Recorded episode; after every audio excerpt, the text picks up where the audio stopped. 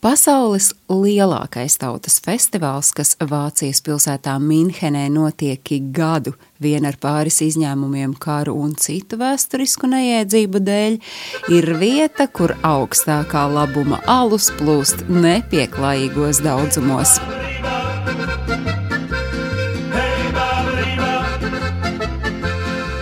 Viss sākās 1810. gadā, kad Bavārijas karalis Ludvigs I par savu sievu apņēma Saksijas Hildburghausenes Terēzi Šarloti Luīzi Friederiku Ameliju, un tas notika 12. oktobrī. Par godu šim karaliskajam notikumam Minhenes iedzīvotājus aicināja uz īpašiem svētkiem, kurus rīkoja pilsētas vārtu priekšā.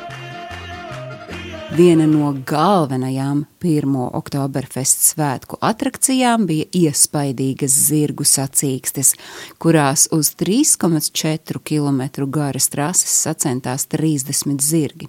Par svinību idejas autori tādu skaidru vēsturisku liecību nav, taču daudzi uzskata, ka gan Oktoberfest, gan arī zirgu sacīkstes izdomāja to uzvarētājs kāds Bavārijas Nacionālās gvardes seržants vārdā Frants Baumgartners.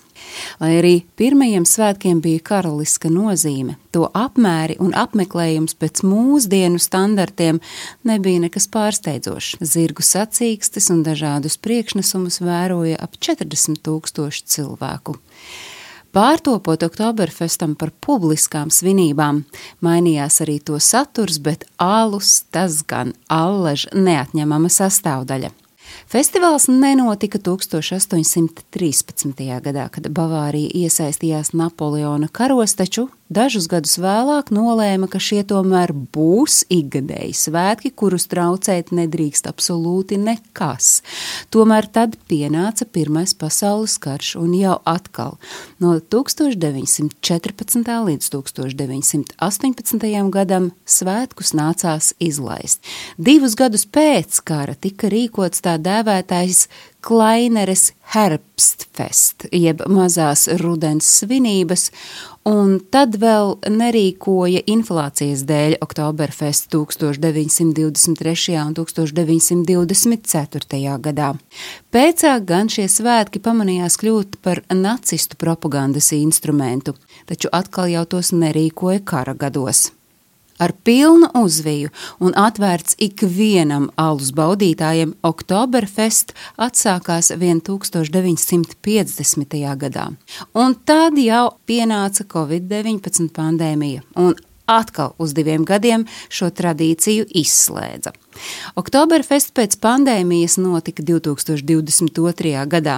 Oktoberfest teritorijā, jeb tā dēvētajā Terēzes pļavā, kas atrodas pavisam netālu no Mīnhenes centra, kopumā parasti izvieto 34 teltis. 14 ir lielās un 20 mazāka izmēra. Kopējā platība ir 420 tūkstoši kvadrātmetru.